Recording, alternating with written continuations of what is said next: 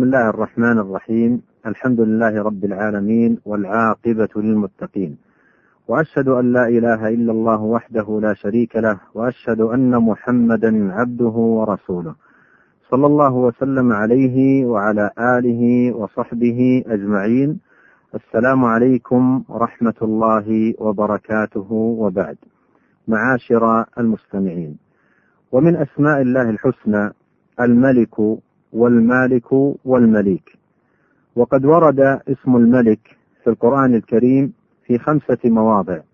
منها قوله تعالى هو الله الذي لا إله إلا هو الملك القدوس وقوله تعالى فتعالى الله الملك الحق وورد اسم المالك في موضعين في قوله تعالى مالك يوم الدين وقوله تعالى قل اللهم مالك الملك وورد اسم المليك في موضع واحد في قوله تعالى إن المتقين في جنات ونهر في مقعد صدق عند مليك مقتدر. معاشر المستمعين وهذه الأسماء الثلاثة تدل على أن الله سبحانه ذو الملك أي المالك لجميع الأشياء المتصرف فيها بلا ممانعة ولا مدافعة. والملك يرجع إلى أمور ثلاثة. الأول ثبوت صفات الملك له التي هي صفاته العظيمة من كمال القوة والعزة والقدرة والعلم المحيط والحكمة الواسعة ونفوذ المشيئة وكمال التصرف وكمال الرأفة والرحمة والحكم العام للعالم العلوي والسفلي والحكم العام في الدنيا والآخرة. قال الله تعالى ولله ملك السماوات والأرض والله على كل شيء قدير. وقال تعالى الملك يومئذ الحق للرحمن. وقال تعالى لمن الملك اليوم لله الواحد القهار. الثاني أن جميع الخلق مماليكه وعبيده ومفتقرون إليه ومضطرون إليه في جميع شؤونهم. ليس لأحد خروج عن ملكه ولا لمخلوق عن إيجاده وإمداده ونفعه ودفعه ومنه وعطائه.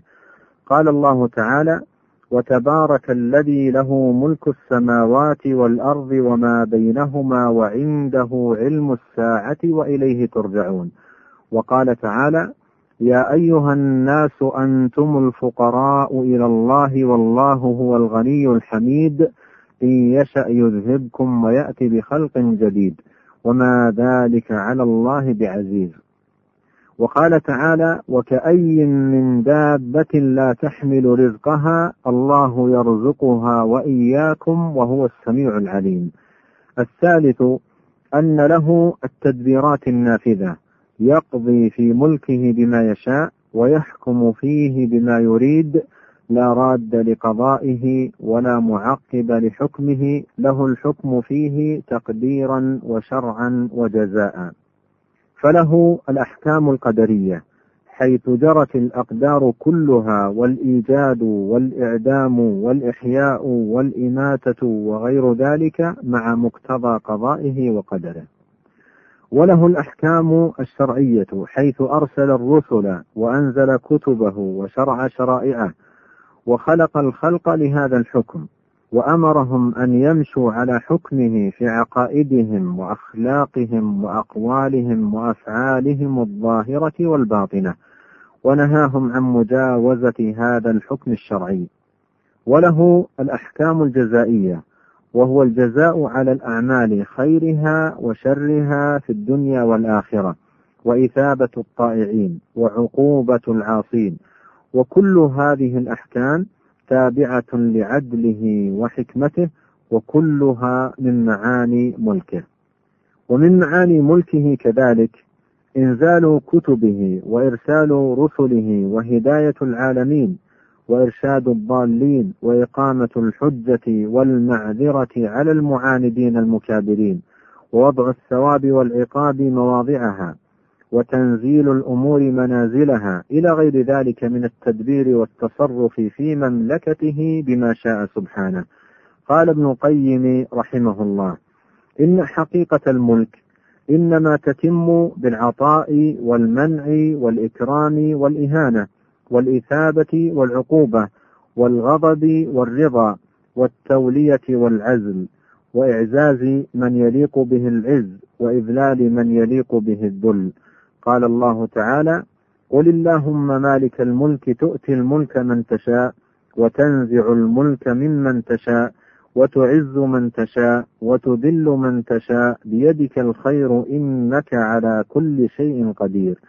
تولج الليل في النهار وتولج النهار في الليل وتخرج الحي من الميت وتخرج الميت من الحي وترزق من تشاء بغير حساب. وقال تعالى يسأله من في السماوات والأرض كل يوم هو في شأن.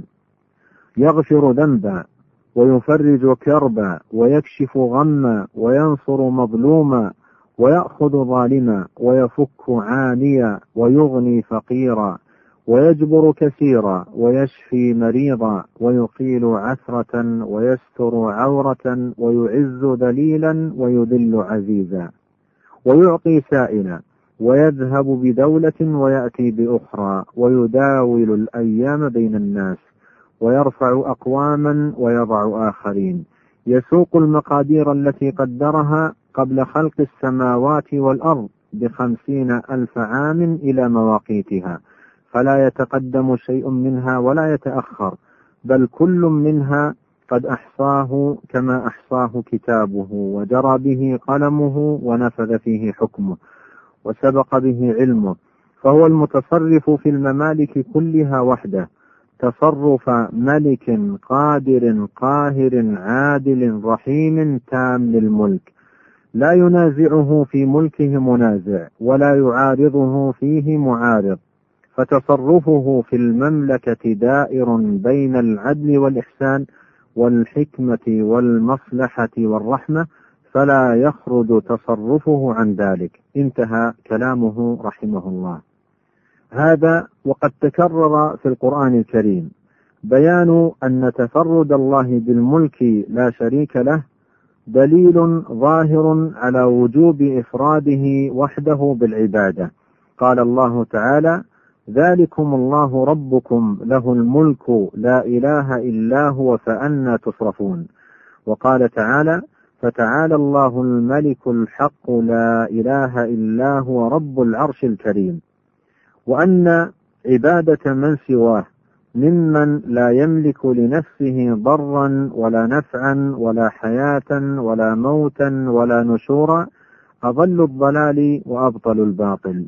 وقد ورد في القرآن آيات عديدة تقرر هذه الحقيقة وتجلي هذا الأمر. قال الله تعالى واتخذوا من دونه آلهة لا يخلقون شيئا وهم يخلقون ولا يملكون لأنفسهم ضرا ولا نفعا ولا يملكون موتا ولا حياة ولا نشورا. وقال تعالى والذين تدعون من دونه ما يملكون من قطمير إن تدعوهم لا يسمعوا دعاءكم ولو سمعوا ما استجابوا لكم ويوم القيامة يكفرون بشرككم ولا ينبئك مثل خبير وقال تعالى قل أتعبدون من دون الله ما لا يملك لكم ضرا ولا نفعا والله هو السميع العليم وقال تعالى قل ادعوا الذين زعمتم من دونه فلا يملكون كشف الضر عنكم ولا تحويلا. وقال تعالى قل ادعوا الذين زعمتم من دون الله لا يملكون مثقال ذرة في السماوات ولا في الأرض وما لهم فيهما من شرك وما له منهم من ظهير. أي لا يملك مثقال ذرة استقلالا ولا يملكه على وجه المشاركة. ولا يملك الإنسان في هذه الحياة شيئا إلا بتمليك الله له.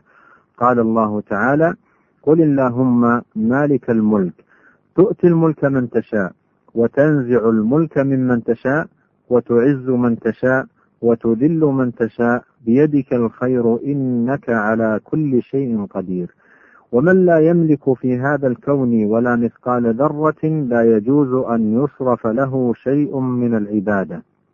إذ العبادة حق للملك العظيم والخالق الجليل والرب المدبر لهذا الكون لا شريك له عز شأنه وعظم سلطانه وتعالى جده ولا إله غيره.